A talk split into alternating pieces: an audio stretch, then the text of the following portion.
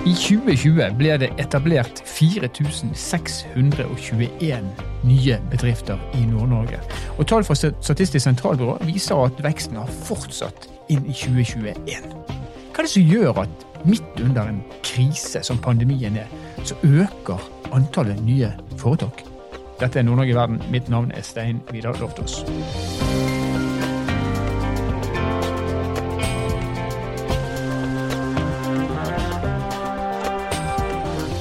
Senere i programmet skal vi få møte en eh, gründer som akkurat har starta en liten bedrift, og vi skal snakke med en COO i en vekstbedrift. Men aller først, Innovasjon Norge er en av flere aktører som har et særskilt ansvar for å legge til rette for vekst i næringslivet i Norge. Og Nå har vi med oss Anette Melby, som er leder for vekst og kommersialisering i Innovasjon Norge. Og velkommen til oss, Anette. Tusen takk. Veldig hyggelig å være her. Du, eh, vi ser jo litt på hvordan pandemien har påvirka ja, antallet bedrifter som oppstår osv.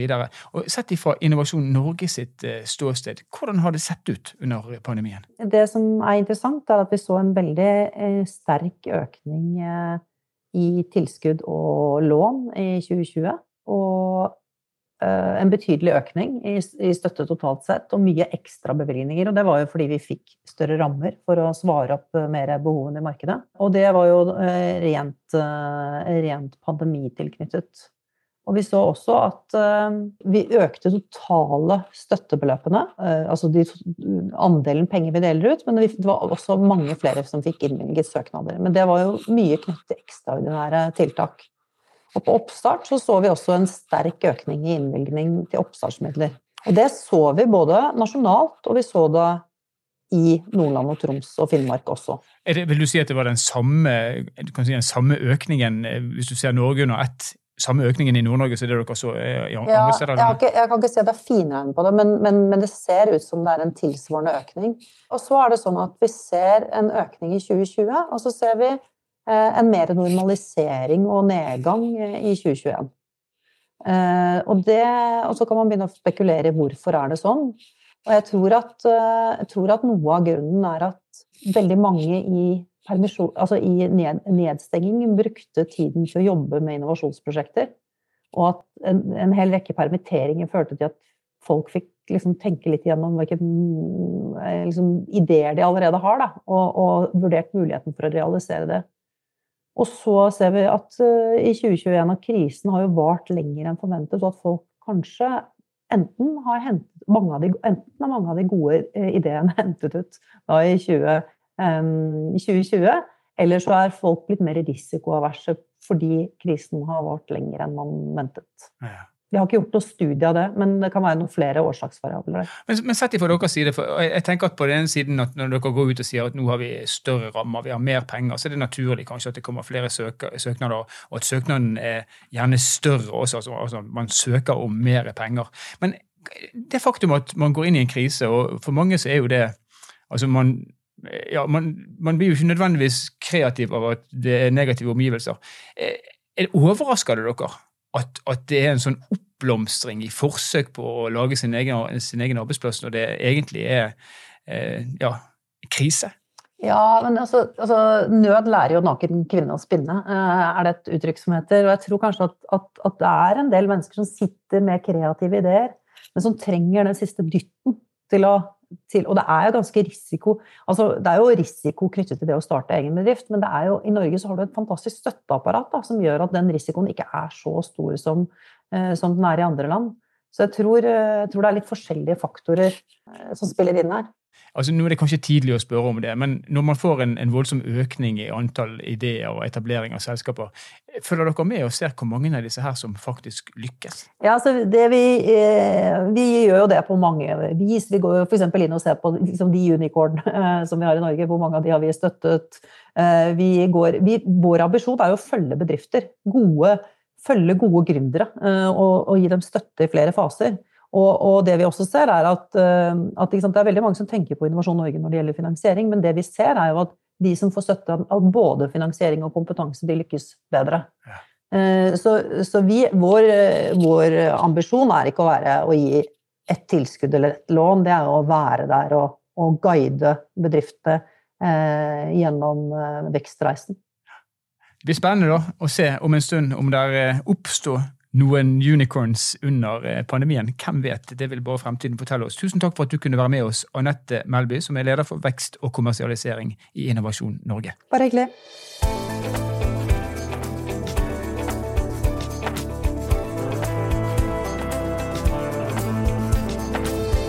Går du med en uh, idé om å starte din egen virksomhet, så går det altså an å få støtte fra Innovasjon Norge. Men du kan også starte bedrift uten støtte fra Innovasjon Norge. Og nå skal vi få snakke med en som har gjort nettopp det.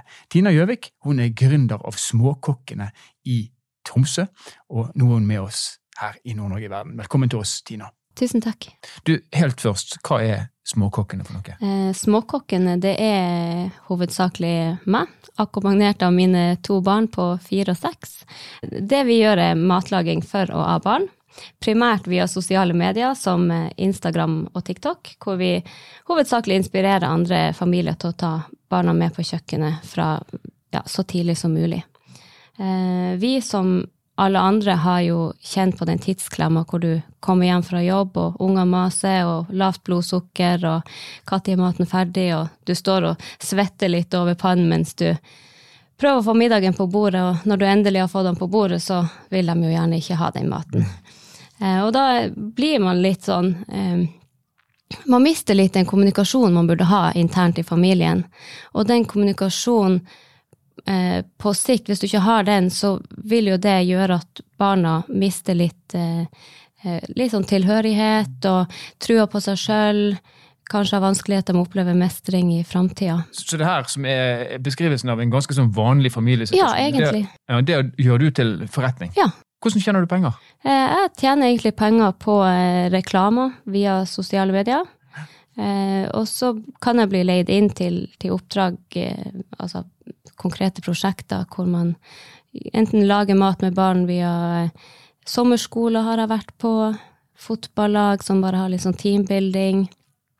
Og så ser man jo sånn framtidsmuligheter med, med, andre prosjekter, da, hvor man kan eh, få litt inntjening. Men, men, målet er jo å gjøre det her digitalt og kunne få inntjeninga via, via reklame, da. Ja. Sånn at man kan nå ut til flest mulig, og at det skal være gratis for, for den som bruker oss, og, og, som trenger den basisinformasjonen som vi har, egentlig. Har du alltid vært en sånn gründertype som liksom har gått med dine egne ideer og realisert de, eller hva er liksom historien bak? Eh, ja, jeg har jo alltid vært glad i å, å finne på ting. Mm. veldig, eh, veldig, kreativ og, og elsker å, å snu på ting eh, jobba en del i, i, med salg og vært og, og bygd butikk i, faktisk ned, helt nede i Tyrkia. Og det å få være med på sånne prosjekter hvor man eh, ting kanskje ikke går så bra, men så skal det bli bedre, det har alltid vært en sånn greie for meg, da. Ja. Men er, det, er Småkokkene er det den første bedriften du gründer? Ja. Og hva, Du forklarte jo ideen deres, men hva var det som førte til at du plutselig bestemte deg for å ta skrittet ut av ja, det som for mange av oss er en sånn typisk arbeidstakerhverdag, og, og, til å bli din egen sjef, for å si det sånn? Ja, du sa jo det i stad, at jeg har to barn. Eh, begge kom eh, i, eh, i, i veldig hurtig fart. eh, det ene førte til at jeg fikk en skade i ryggen, som gjorde at jeg måtte bli sykemeldt, og da etter hvert ha en operasjon i ryggen. Og når man har hatt en ryggoperasjon, så kommer man seg ikke på beina like lett som en vanlig forkjølelse.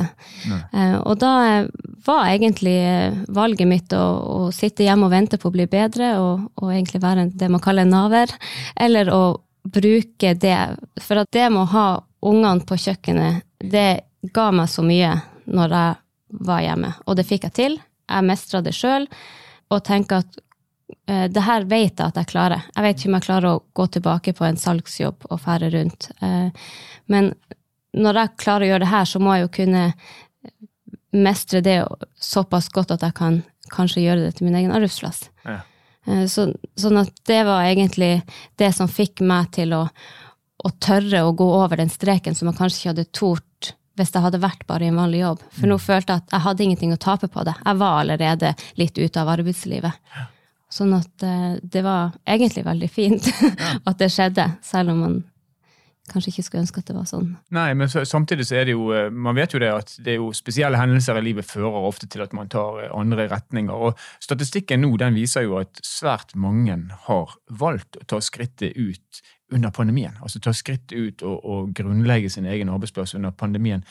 Hva tenker du om det? Nei, altså jeg skjønner jo eh, veldig godt at folk har tort å ta steget nå, fordi at mange har blitt permittert, og det er ikke så lett å bli permittert når de andre bedriftene også har permittert sine ansatte. Det, er, altså, det var ingen jobb å gå til.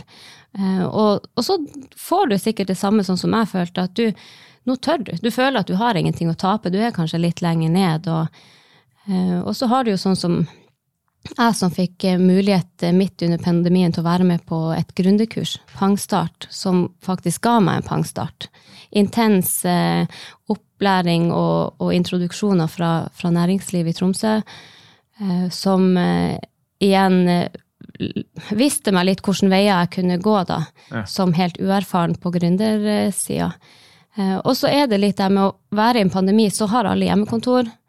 Alle er litt sånn sugen på å prate med folk som man ikke prater med til vanlig, og tar gladelig telefon når du ringer, ja. selv om du er en helt fersk gründer.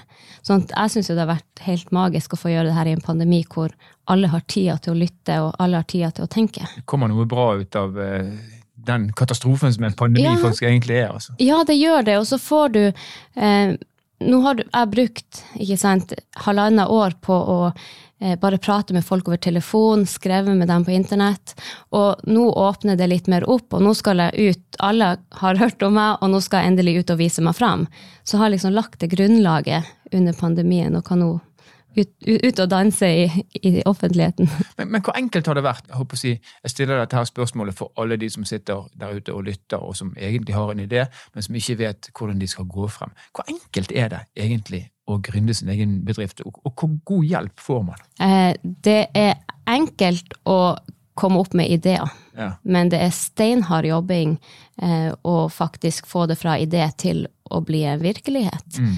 Eh, men så har du jo eh, mange, altså, Du må aldri være redd for å tørre å spørre folk. Aldri være redd for å ringe en, en som du vet har gjort det bra. Eh, og det tror jeg egentlig er det viktigste for dem som har lyst til å gründe, at man må tørre å, å fortelle om ideen. Altså Fortell hva du tenker, og så får du jo veldig fort feedback på om det her er en dårlig idé eller ikke.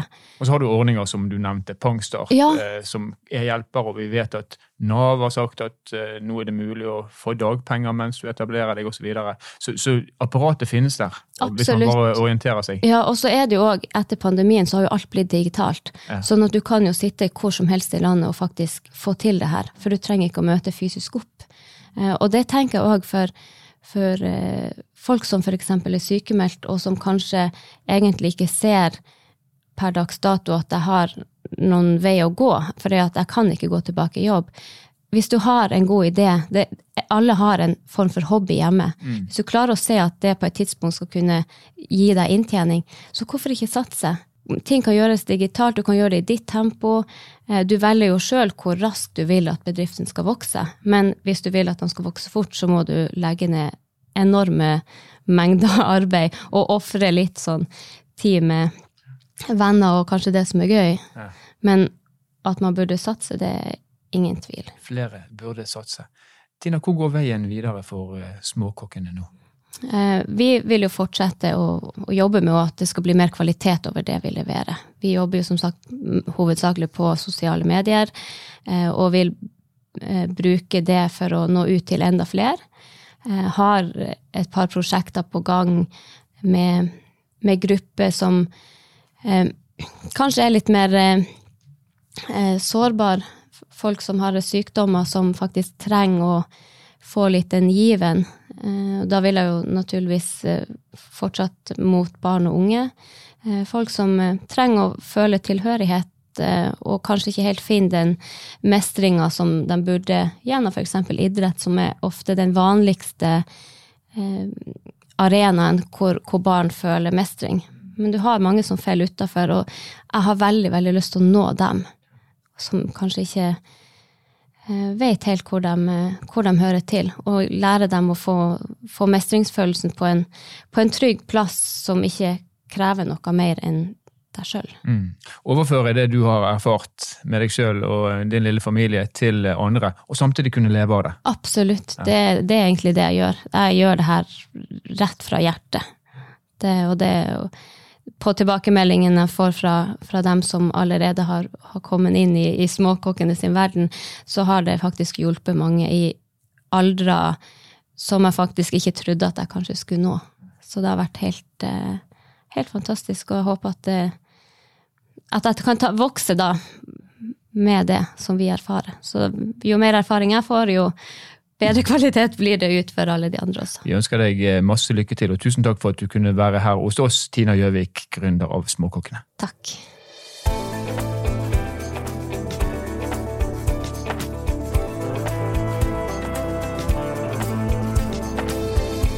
Den største enkelttildelingen Innovasjon Norge gjorde i 2021, det var 60 millioner kroner, og det gikk til en ny bakteriofagfabrikk som skal bygges på Leknes i Lofoten.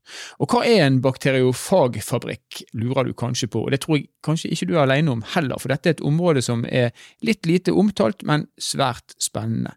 Og nå har vi med oss Simon Brink, som er COO, altså Chief Operating Officer, i konsernet ACD Pharma og han skal kaste litt lys over det som er under oppseiling i Lofoten. Velkommen til oss, Simon.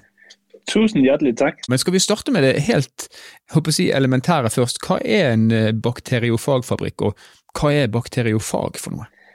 Um, du kan si at uh, det er egentlig noe der finnes rundt, oss, uh, rundt om oss uh, hele tiden. en bakteriofag er, er, et virus.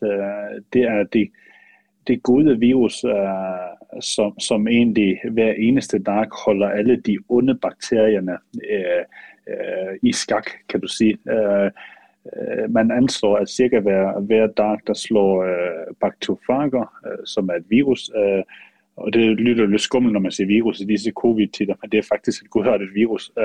Men bakteriofager slår opp mot 40% av alle bakterier i hjel hver eneste dag. og Det er jo findes jo øh, alle plasser. Det vil sige, det finnes på hænder og i, i naturen. og det finnes øh, Bakterier de er, de er, til stede over det hele. Øh, så, så, så, så, det er det en bakteriofag er. Og en bakteriofagfabrikk er jo så det at, at man ønsker å kunne producere, altså det vil sige, skalere det her opp og, og producere det i større mængder.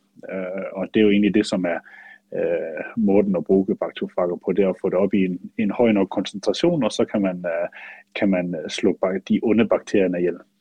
Og Da er vi jo egentlig i samme, eh, si, samme område som det menneskeheten fram til nå har brukt antibiotika for å, å gjøre. Mm, det stemmer. Altså, det er ikke, det, bakteriofager skal ikke erstatte, som vi ser det, antibiotika som blir brukt, men det skal mer være et supplement og, og et verktøy for Det som er litt annerledes med, med øh, antibiotika, er ofte bredspektret. Dvs. Si at øh, du, du, får et antibiotika som vi kjenner det, og, og så slår det de onde bakterier ihjel. Men dessverre så, så, så slår det også de, de, de gode bakteriene øh, ihjel, egentlig også når vi får det antibiotika. og Det, det er litt uhensiktsmessig. og Her der er bakteriofager veldig artsspesifikt. Dvs. Si det går kun på de, akkurat den bakterien som den er, som den er kan du si, avløp fram til å, å, å angripe. Så man finsikter, altså istedenfor å skyte spurv med kanoner, som vi øh, ofte bruker som et begrep, så finsikter man på akkurat de bakteriene man trenger å ta ut. Eh, hvor langt er man kommet med dette? Altså, hvor, hvor anvendbart er det dere har tenkt å produsere, eh, sånn som der man er i dag? Um, altså, vi, er jo, der, vi har jo jobbet med altså det, jeg har jo jobbet med det her forsket på det her de siste 12-13 årene. Så det ligger jo veldig mye forskning bak det som vi egentlig er ved å eksekvere og, og skalere opp nå. Uh, jeg kan bare si globalt så har det vært, lenge vært uh, uh, forsket i baktofager, Og inntil Alexander Flemming tilbake i ja, var det 1920-erne oppfant antibiotika der jobbet man veldig mye med bakteriofager, for det var det et av de eneste verktøyene å ha mot bakterielle sykdommer. Uh, han oppfant så det her antibiotika, og så spesielt i de vestlige landene der uh, anvendte man da antibiotika, for det var billigere og mer enkelt å bruke. De østlige landene de fortsatte, for de har ikke tilgang til antibiotika. Så historisk der ligger veldig mye forskning i, i den østlige del av verden, øh, og nå er de vestlige så begynt å komme opp, og det har noe med den resistensutvikling. Litt tilbake til, til i ACD, der har vi jo startet for, for ca. 12 år siden med å og forske i, i, i, bruken av bakteriofager. Det er egentlig fordi vi, vi, så en bekymrende utvikling innenfor bruken av antibiotika. Og, og, og den her resistensutvikling som, som vi så. Og, og, i og med at, at ACD er en del av en gruppe av selskaper som jobber innenfor havbruksnæringen, og hvor vi har et stort nettverk, så var det naturlig at det var her vi ville prøve å ta det i bruk til å starte med. Men Du nevner havbruksnæringen, og, det ligger jo, altså vi vet jo, vi vet jo alle at havbruksnæringen har, i hvert fall litt tilbake i tid, brukt altfor mye antibiotika. og Så har de vel kanskje fått bedre kontroll på det etter hvert. Men når dere nå eh, går i gang med å lage et supplement til antibiotika, er det da kun havbruksnæringen som kommer til å nyte godt av dette, eller tenker dere at vanlige sykehus som behandler mennesker, også skal kunne bruke det dere produserer? Det, altså, vi, vi, har et produkt i dag som blir solgt i, i havbruksnæringen, og, og det, god, det ser vi en veldig god effekt av. Øh, men vi bygger jo det, der heter en GMP-fabrik, og det vil si det er en fabrik, der er godkendt til å produsere legemidler. Øh, I den forstand, det har noe med øh, renholdet i, i, i fabrikken. Så tankene, det er jo, vi ønsker å gjøre en forskjell og kunne komme inn og hjelpe mennesker med egentlig å bekjempe de her resistente bakterier. Og der, mm. Hvis man googler det, så vil man finne mange historier om folk som egentlig ikke kan få behandling, og egentlig faktisk har, har det svært alvorlig pga. de ramte en resistent bakterie, hvor antibiotika faktisk ikke fungerer. Og Det er jo her hvor vi, vi ønsker inn, hvor vi kan gjøre en, en forskjell for, for, for, mennesker som egentlig ja, dessverre uh, får den verst tenkelige utgang, med, med, med, hvor man risikerer å dø.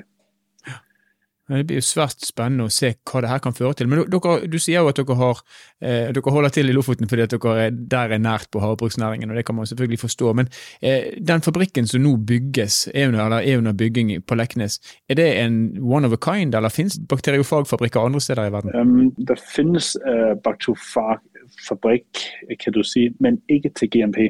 Nei. Det vil si du kan bruke det til, til, til andre formål, øh, men, men man har ikke man har ikke taget det, det steppet, øh, kan du sige, og det, det, den, det sats, som det også er, at bygge det her i en storskala GMP, altså lægemiddelfacilitet. Og, og, og, og, det her, det er den første af sin slags i hele verden, og det er jo det, som jeg synes, der faktisk er, er helt unikt, at man i, i, i et udkantsområde som, som Lægnes øh, og i Lofoten, som er meget mere end fjeld og nordlys øh, og, og fiske, så, så kan man etablere øh, den her fabrikken, som er, vil bestå av et høyt kompetent miljø, og være ikke bare nasjonal, men internasjonal egentlig i front på, på, på bruken av, bakteriofager. Det, det, er veldig unikt. For, for, du må ikke se bort fra at uh, resistensutvikling er, er, veldig høyt på agendaen hos WHO og, og andre store organisasjoner som ser med stor bekymring på det her i, mange episoder i Nord-Norge i verden så har vi kasta søkelyset på eh, problematikken rundt demografi. altså Det er vanskelig å få mennesker til å bosette seg i Nord-Norge. Det er en flyttestrøm som går, går i feil retning. og sånn sagt. Dere velger å bygge en, eh, en, fabrikk på Leknes. Hvordan skal dere klare å rekruttere den spesialkompetansen dere trenger til eh, det dere skal produsere? Um, ja, Nå er det jo ikke alle som meg som har, har funnet seg en uh, nordlending lokalt her men, men, uh, som samboer. Men, men, uh, men, men, jeg må ærlig innrømme det, det var faktisk noe jeg har tenkt på. Men nå etter vi faktisk har, har, kommet litt ut, og ikke minst fordi vi har fått veldig positiv oppmerksomhet i diverse medier, også via Innovasjon Norge, det, det, er, det er helt fantastisk, så har vi fått utrolig mange henvendelser fra, fra fra folk eh, all over, altså vil si globalt. Altså, der har vi, jeg har hatt besøk av en kandidat fra Singapore som reiste fra Singapore til å komme. For jeg sa det er viktig du kommer og ser Leknes, for Leknes er ikke Singapore. Uh, jeg, så, så, det har vært veldig stor interesse. Så jeg er ganske sikker på at vi skal nok klare. Og, og, og jeg synes det er en ting er selve ACD, men vi kan også være med til å, å bidra positivt til, til, det her uh, samfunn med å få noen, uh, ja. få noen tilflyttere til som kommer med, med barn og, og, familie. Det trengs i hvert fall. Ja. Og så er det kanskje en kraft i det å være så tidlig ute som det dere er. Men hvor mange mennesker, altså når, er, når denne fabrikken står ferdig, og det, de planene dere har i dag, hvor mange ansatte kommer det, til å være? Det, det, det, er et litt vanskelig spørsmål. Men hvis du ser på selve fabrikken, så, så, så er den jo egentlig ikke så uh, mannskapstung. Det vil være en del administrativt personale, for du trenger folk på, der skal jobbe med det regulatoriske, der skal jobbe med produktutvikling. Uh, men, men, og det er også alt det der, hvordan det utvikler seg. Går det her uh, den riktige veien, som alt tilsier? Fordi vi ser nå at EMA, altså det, det europæiske lægemiddelværk og FDA, det tilsvarende over i USA, begynder at interessere sig for det her, så kan det her godt tage ar, som jeg ser det. Øh, men, men vi estimerer per i dag med, med, med plus minus rundt 50, 50 ansatte her på, på Lægnes, og, og, og jeg tror vel, vi er vi er vel ikke mere end en håndfuld i dag, så, så det er en, og det skal ske inden for de næste to-tre år, så det, der, der bliver travlt på, på, på bemandingssiden i hvert fald. Vi hører at her er et høyt potensial, mm. Eh, og dere er tidlig ute. Hvor stort kan det her bli? Um, det kan bli stort. Uh, og det, det, nå skal jeg prøve å være litt beskjeden, men det, det, er, uh, det er så utrolig spennende. Og, og, og, vi ser kun nesten for dag for dag at interessen øker for det her. Og, og, og korona og hele situasjonen med, der har vært rundt, det er helt forferdelig. Og der er gått altfor mange menneskeliv til men det har gjort og, og også, at der har vært en del oppmerksomhet på hva er den neste pandemien. Er, er det et virus som vi har nå, eller er det en resistent bakterie, eller hva er det vi taler den neste store øh, øh, kan du si, skrøpeligheten for, for, for menneskene der kommer. Øh, og, og der får vi noe, noe oppmerksomhet, hele den her ganske beskjedne verden av bakteriofager i, i i hele i hele verden, og det giver noget, så det her det kan blive vældig stort. Ikke kun i, i kommersielt perspektiv, men også i forhold til forskning, hvor Norge kan tage et, øh, et globalt øh, lederskab, som jeg ser det, inden for bakteriofager, hvor der findes et stort miljø i lille Norge, kan du sige. Og Norge er i life science perspektiv ikke, øh, det er jo kun en 20. del af, hvad det er i mit, mit tidligere land, Danmark. Så, så, så der er et kæmpe potentiale, og jeg har veldig stor tro på, at det, det, det skal vi få til. Øh, vi har, vi har virkemiddelapparatet som stiller opp, og, og det, det, er, det er veldig mye som ligger til rette for at vi skal få det her til, i hvert fall. Ja. ja, og Det høres ut som dere beveger dere inn på et område der det helt klart må komme opp noen nye løsninger. altså Kampen mot de resistente bakteriene er Eh, ja, en kamp som vi, vi, bare må vinne. Eh, men det er en ting som slår meg, og helt til slutt, eh, Simon. dere lager en fabrikk, for å si det litt enkelt, som skal produsere et virus. Er det, er det grunn til å tenke at man også vil oppleve en god del skepsis når man da starter opp det som ja, tilsynelatende også kan være litt sånn farlig, da? Nej, det, det, det, det vil du ikke opleve, fordi igen, det her det er noget, der findes rundt os hele tiden. Du kan sige, det, man, det som vi egentlig gør, det er at, øh, at tilføje, altså øh, vi, vi tilføjer en ekstra mængde af de her bakteriofager, så du får slået den bakterien ud. Nu snakker jeg om, hvis du har en, en, en hvis du skal behandle på, på human perspektiv, at her der tilføjer du en større mængde af de her bakteriofager. Du har de allerede der, men du har ikke den rigtige mængde til at slå bakterien ned. Så nej, det kan ikke, det kan ikke uh, i den forstand være farligt. Det, I worst case, det er det værste, der sker, det er, at uh, bakterien bliver resistent mod bakteriofagen, men der er det så, man opdaterer, kan du sige, cocktailen, og, og det er, så, så, men det, som er veldig udfordrende bare at nævne det også, det er, at uh, selvom vi er veldig flinke i nordiske lande på brugen af antibiotika, så desværre så ser resistente bakterier ikke landegrænserne. Så det vil sige, når du øh, tager i syden og går og ligger derinde på et øh, sygehus i Hellas for eksempel, så kan du, øh, så er der, hvor der er vældig øh, mange resistente bakterier, så kan du tage dem med hjem, øh, og, og det, er, det er en udfordring. Så, så, så selvom vi er flinke i Norden, så hjælper det ikke, at, at, at der er stor resistensudvikling i andre lande egentlig. Så derfor der er det, det her det er et globalt problem. Øh, mm. Og det er derfor perspektivet og mulighederne er så store, fordi det, du, det er langt ud over Norges grænser, og, Øh, med en gang du snakker det her. Så. Viktig, viktig, viktig, avgrensning og viktig presisering der, Simon. Helt uh, avslutningsvis, når er dere i gang med produksjonen? Uh, puh, det, uh, vi, vi, I løpet av neste år. Uh, er det, vi, vi, vi satser på. Det er, vi er ikke de eneste, der bygger øh, legemiddelfabrikker akkurat nå. Der er noen som bygger litt vaksinefabrikker, som de fleste vet. Så, så, så, der, så der, er litt etterspørsel på. Men, men, vi har en veldig god prosess og, og er on track, for å si det. Øh, men, øh, men, her er vi avhengig av noen, øh, nogle andre faktorer, som vi ikke selv er herover, men, men vi gør det så fort som muligt. Det er der ingen tvivl for vi ser, der er et behov. Øh, øh, vi, vi får ofte henvendelser fra store globale aktører, som spør om vi kan se på den her resistente bakterien, for den er et stort problem. Så, så det er nok av muligheter. Så vi, vi jobber alt hva vi kan for å komme i gang så fort som mulig. I løpet av neste år, altså på Leknes i Lofoten, av alle steder i verden. Tusen takk for at du kunne være med oss, Simon Brink, COO i ACD Pharma. Vær så god.